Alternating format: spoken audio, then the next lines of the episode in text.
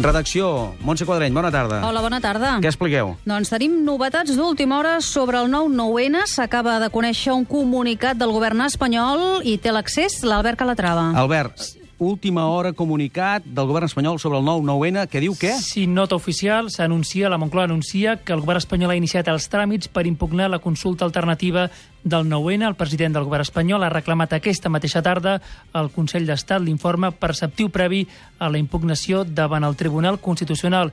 En aquesta nota s'assenyala que Rajoy ha sol·licitat que el dictamen del Consell d'Estat s'elabori amb caràcter d'urgència perquè la impugnació es pugui aprovar al pròxim Consell de Ministres d'aquest divendres. Eh, no especifica res més, on s'agafen per impugnar, quina, quina part escrita eh, no, és un comunicat referència? només de dos paràgrafs, simplement s'anuncia aquest informe que es demana al Consell d'Estat. Un cop tinguin aquest informe del Consell d'Estat, potser ja coneixerem més arguments de caràcter jurídic. Correcte.